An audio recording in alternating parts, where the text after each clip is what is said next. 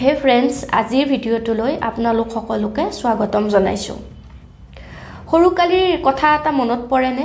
এনেকুৱা সময়ত যেতিয়া বাৰিষা কালত খুব জোৰে বৰষুণ দিয়ে আৰু তাৰোপৰি আকাশত চিকিমিকি দেখা পোৱা যায়। তাৰোপৰি বহুত জোৰে ঢেৰেকণি বিজুলী যিটো আমি দেখিবলৈ পাওঁ শুনিবলৈ পাওঁ। আমাৰ তেতিয়া খুব ভয় লাগিছিল। আৰু সৰুকালিত যেতিয়া সেই ঢেৰেকণিৰ শব্দটো শুনো আমি হয়তো কাণত ধৰি মানে কাণখন বন্ধ কৰি লৈছিলোঁ। নতুবা সেই বিজুলীটো দেখিলে ভাবোঁ যে এতিয়া এটা ডাঙৰকৈ শব্দ ওলাব। গতিকে এনেকুৱা যিটো ভয় আছিল আমাৰ সৰুকালিত এতিয়া দেখিছোঁ সেইটো অমূলক নাছিল। কাৰণ বাতৰিত এইকেইদিন পাই আছোঁ যে অলপতে ৰাজস্থানৰ আমিৰ ফৰ্টত ফুৰিবলৈ যোৱা টুৰিষ্ট কেইজনমান মানে চেলফি ল'বলৈ হাইটৰ পৰা যেতিয়া তেওঁলোকে চেলফি ল'বলৈ এটা ওখ জেগাত গ'ল তেতিয়া বজ্ৰপাত হ'ল আৰু তেওঁলোকৰ মৃত্যুমুখত পৰিলে। তাৰোপৰি ইউ পিটো এনেকুৱা ঘটনা শুনিবলৈ পোৱা গৈছে।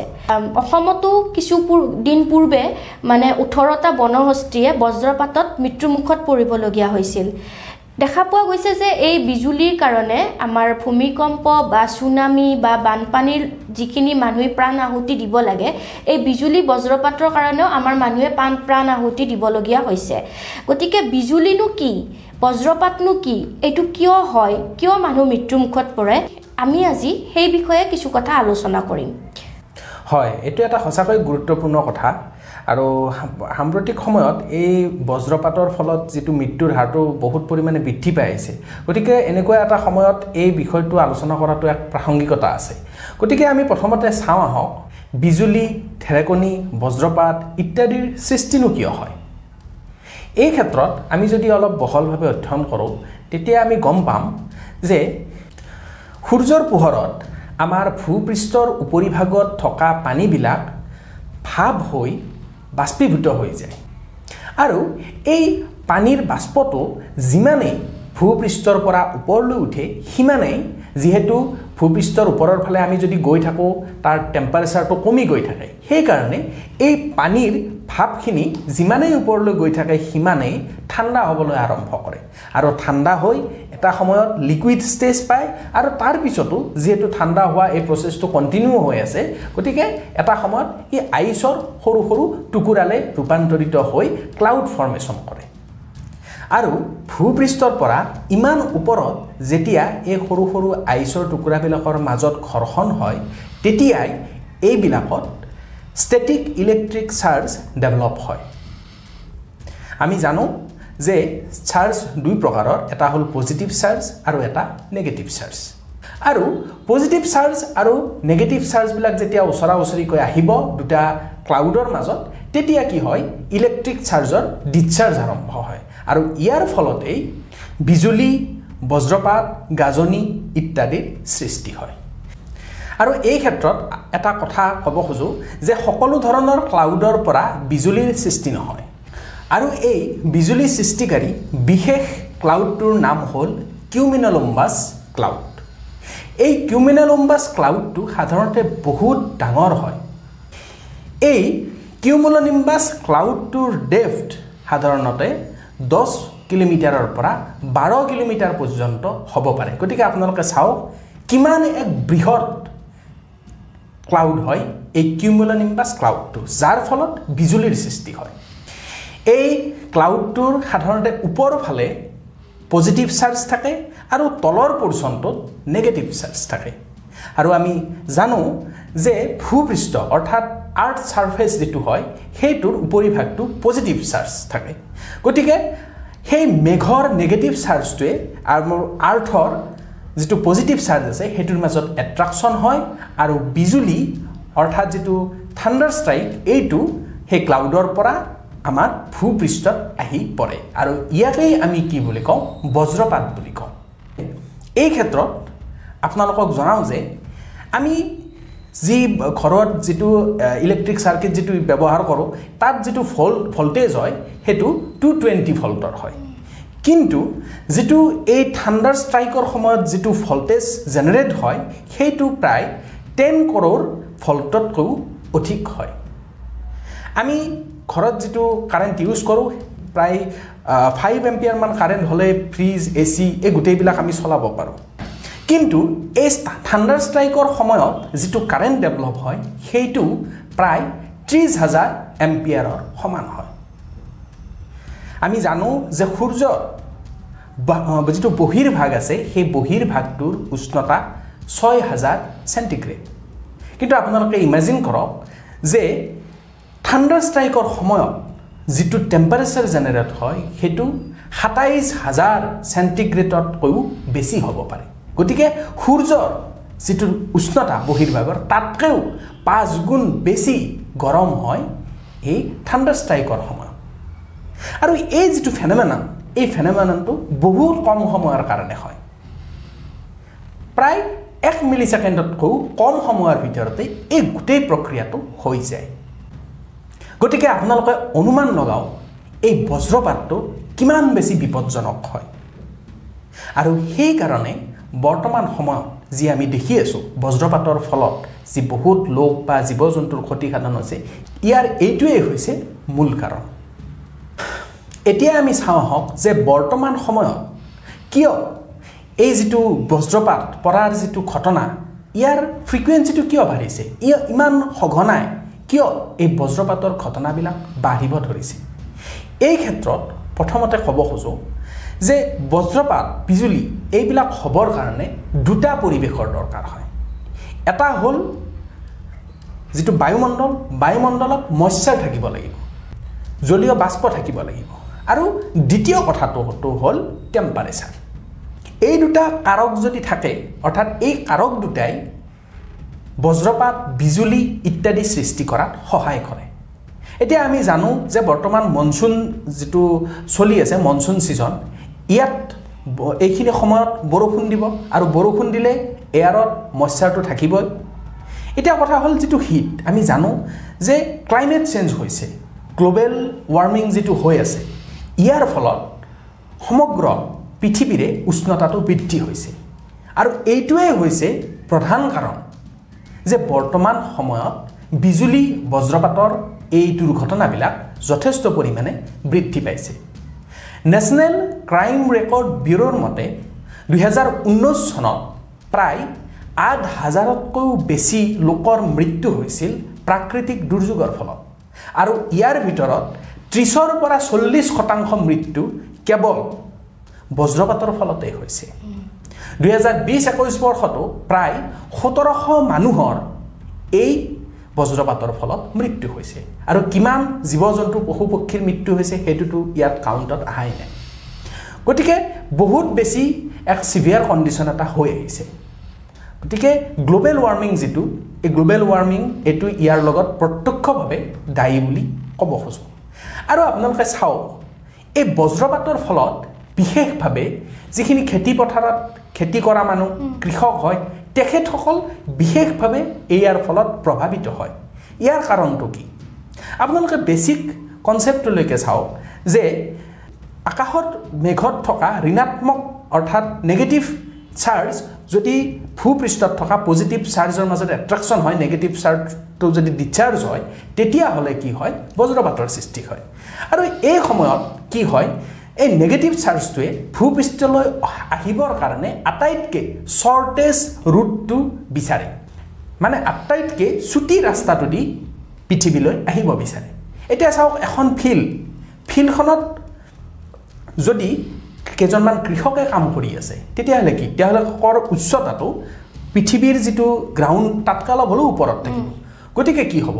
যিটো ক্লাউডত যিটো চাৰ্জ থাকিব সেইটোৱে কি কৰিব? সেই মানুহকেইজনৰ গাৰ মাজেদি আহি পৃথিৱীলৈ আহিব বিচাৰিব। সেইকাৰণে কি হয়? এই বজ্ৰপাতৰ ফলত বিশেষভাৱে কৃষকসকল বা মুকলিকেই যিবিলাক মানুহে কাম কৰি থাকে তেখেতসকল বেছি প্ৰভাৱিত হয়। আৰু এইটোও দেখা পোৱা যায় যে আমাৰ যেতিয়া বাৰিষা কাল হয় মানে জুন জুলাই মাহত তেতিয়া খুব বৰষুণ হয়। আৰু সেইখিনি সময়তে কিন্তু আমাৰ কৃষকসকলেও খেতি পথাৰত যায় খেতি বাতিৰ কামত ইনভল্ভ হয়। এতিয়া যেতিয়া বৰষুণ ধাৰাসাৰ বৰষুণ দিব তেওঁলোকে এটা যেতিয়া সেমেকা বা ৱেট যিটো ফিল্ড হয় তাতে থাকিব। ইলেক্ট্ৰিচিটি বেছিকৈ পাছ হৈ যাব ন বস্তুটোৱেদি সেইটোৱে। আৰু সেইকাৰণে তেওঁলোকক তেতিয়া বেছিকৈ হাৰ্ম কৰা দেখা পোৱা যায়। আৰু তাৰোপৰি তেওঁলোকে কি কৰে যে গছ এডালৰ তলতে থিয় দিলে বৰষুণ দিওঁতে। ওখ বস্তুত বজ্ৰপাত হোৱাৰ বেছি মানে চান্স থাকে তেতিয়া মানুহজনে যেতিয়া মানে গছডালৰ তলত থিয় হ'ব তেতিয়া তেওঁক বজ্ৰপাত পৰাৰ বেছি চান্স থাকে। হয়। গতিকে এইটো ক'ব পাৰোঁ যে এৱেৰনেছৰ যিটো অভাৱ হয় যদিহে মানুহবিলাকে গম পায় যে ওখ বস্তুত বজ্ৰপাতটো পৰাৰ সম্ভাৱনা বেছি তেতিয়াহ'লে তেওঁলোকে নাযাব। কিন্তু কি হয় পথাৰত যদি গছ এডাল আছে মানুহখিনিয়ে দৌৰি গৈ সেই গছডালৰ ওচৰতহে আশ্ৰয় ল'বলৈ চাব। কিন্তু বেয়া কথাটো হ'ল যে গছডালতেই বজ্ৰপাতটো পৰে। গতিকে ইয়াৰ ফলত এই অজ্ঞানতাৰ ফলতো বহুত প্ৰাণহানি হয়। আৰু এটা কথা এই সম্পৰ্কত বহুত গৱেষণা চলি আছে যদিও এই বিজুলী বা বজ্ৰপাত এইবিলাকৰ ক্ষেত্ৰত আৰু বেছি অধ্যয়ন কৰাৰ প্ৰয়োজন আছে। সম্পূৰ্ণ ৰিচাৰ্চ এই ক্ষেত্ৰটোত কমপ্লিট এতিয়াও আমি হোৱা নাই বুলি ক'ব পাৰোঁ। ৰিচাৰ্চ আৰু চলি আছে বা ইয়াৰ ফেন'মাননটো সম্পূৰ্ণৰূপে মানুহে এতিয়াও ভালকৈ বুজিব পৰা নাই। ইয়াৰ ওপৰত ষ্টাডি এতিয়াও চলি আছে। আৰু যিটো প্ৰেডিকশ্যন হয় আমি যেনেকৈ চাইক্লন এটা যেতিয়া আহে আমফানে হওক নতুনকৈ যিটো আহি গ'ল বা পুৰণা আগতে যিটো আহিছিল ফণী গতিকে এইবিলাক মেথডলজিকেল যিটো ডিপাৰ্টমেণ্ট আছে তেখেতসকলে প্ৰেডিক্ট কৰিব পাৰে যে এনেকুৱা এটা ধুমুহা এটা আহি আছে। কাৰণ এইটো বহুত লাৰ্জ স্কেল হয়। আমফানে হওক বা এনেকুৱা চাইক্লনবিলাক বহুত ডাঙৰ এৰিয়া এটাৰ কভাৰ কৰি লৈ আহি যায়। কিন্তু বজ্ৰপাতটো চাওক সেইটো ইমান ডাঙৰ এৰিয়া এটা কভাৰ নকৰে। সৰুকৈ পথাৰ এখনৰ মাজতো হৈ যাব পাৰে। নতুবা এটা বিল্ডিং আছে এই বিল্ডিংটোতো হৈ যাব পাৰে। এইটো হ'ল এটা লোকেলাইজ ফেন'মেনন এইটো এটা ব্ৰড কনচেপ্ট নহয়। গতিকে এনেকুৱা ধৰণৰ এই লোকেলাইজ ফেন'মেননবিলাক ডিটেক্ট কৰাটো বৰ এটা সহজ কথা নহয়। তথাপিও বিজ্ঞানীসকলে এই ক্ষেত্ৰত যথেষ্ট গৱেষণা কৰিছে আৰু এনেকুৱা ডিভাইচো নিৰ্মাণ কৰিছে। এই সম্পৰ্কে আমি পিছত আলোচনা কৰিম। আমাৰ ইণ্ডিয়াতো সেনেকুৱা ডিভাইচ আছে কিন্তু এৱেৰনেছটো নাই। আৰু লগতে লাৰ্জ স্কেলত সেনেকৈ প্ৰেডিক্ট কৰিব পৰাৰ যিটো কেপাচিটি সেইটো সম্পূৰ্ণৰূপে ডেভেলপ এতিয়ালৈকে হোৱা নাই। গতিকে এইটোও এটা কাৰণ যে বৰ্তমান সময়ত বজ্ৰপাতৰ ফলত ইমানখিনি লোকৰ মৃত্যু হৈছে। আৰু আটাইতকৈ ভাল কথা হ'ল যে Indian Institute of Tropical Meteorology যি পুনেত আছে তেওঁলোকে এই লাইটনিং ষ্ট্ৰাইকৰ ওপৰতে এটা স্পেচিয়েল ষ্টাডি কৰি আছে। এতিয়া কথা হ'ল যে এই লাইটনিং ষ্ট্ৰাইকৰ পৰা আমি কি কি সাৱধানতা অৱলম্বন কৰিব পাৰোঁ বা কি কি মেজাৰ্ছ ল'ব পাৰোঁ যাৰ কাৰণে আমাৰ হয়তো মানে এই সাধাৰণ লোকে প্ৰাণ দিব লগা নহয়। ফাৰ্ষ্ট কথা হ'ল যে যেতিয়া বিজুলী ঢেৰেকনি দিয়ে তেতিয়া আমি খোলা জেগাত বাহিৰত থাকিব নালাগে। এটা ভিতৰত মানে ক্ল'জ স্পেচ এটাত আমি থাকিব লাগে। তাৰোপৰি আমি খালী ভৰি দি থাকিব নালাগে। এনেকুৱা লাই বিজুলী ঢেৰেকনি দিলে আমি চেণ্ডেল পিন্ধাটো খুবেই জৰুৰী। তাৰোপৰি কথা হ'ল যে যেতিয়া খেতি পথাৰত আগতেও কৈছোঁ কৃষকসকলে এনেকুৱা বিজুলী ঢেৰেকনি দিলে গছৰ তলত আশ্ৰয় ল'ব নালাগে কাৰণ গছৰ ওপৰত বজ্ৰপাত কৰাৰ মানে খুবেই সম্ভাৱনা থাকে। তাৰোপৰি আৰু এনে ক্ষেত্ৰত তেখেতসকলে পথাৰত যদি কাম কৰি আছে তেতিয়াহ'লে তেখেতসকল বহি দিব লাগে। হয়।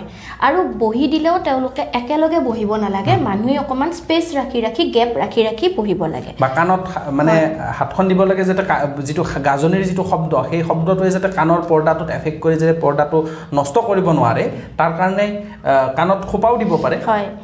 আৰু তাৰোপৰি আৰু এটা কথা হ'ল যে যেতিয়া বিজুলী ঢেৰেকনি দিয়ে যে মানে আমি যিটো মোবাইল ইউজ কৰোঁ ন সেইখিনি সময়ত আমি কেতিয়াও মোবাইল ইউজ কৰিব নালাগে। নহ'লে আমাৰ বজ্ৰপাতত মানে বজ্ৰপাত হোৱাৰ বহুত মানে সম্ভাৱনা থাকে। তাৰোপৰি আৰু এটা বস্তু দেখা পোৱা গৈছে যে লাইট এৰেষ্টৰ বুলি এটা লাইটনিং এৰেষ্টৰ বুলি এটা মানে ডিভাইচ এটা আছে।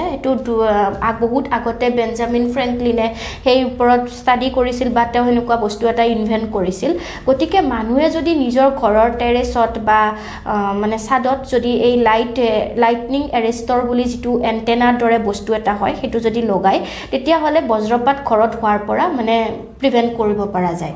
আৰু তাৰোপৰি আমাৰ ৰিক্সত আৰু এটা বস্তু থাকে সেইটো হ'ল ইলেক্ট্ৰনিক এপ্লায়েন্স যিখিনি আমাৰ ঘৰত থাকে লাইক টিভি ৱাশ্বিং মেচিন ফ্ৰিজ এইবোৰ। যেতিয়া বিজুলী ঢেৰেকনি দিয়া দেখা পোৱা যায় তেতিয়া এইবোৰ বস্তু কমপ্লিটলি ছুইচ অফ বা ৱায়াৰডাল খুলি থ'ব লাগে। সেইটোৱে। এনেকুৱা কিছুমান যদি আমি প্ৰিভেণ্টিভ মেজাৰ ইউজ কৰোঁ তেতিয়া আমি নিজকে ৰক্ষা কৰিব পাৰিম।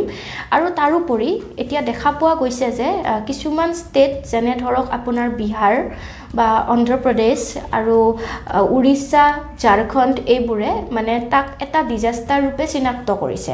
গতিকে তাৰ কাৰণে এইবিলাক ষ্টেটে কিছুমান ষ্টেপ লোৱা দেখা পোৱা গৈছে।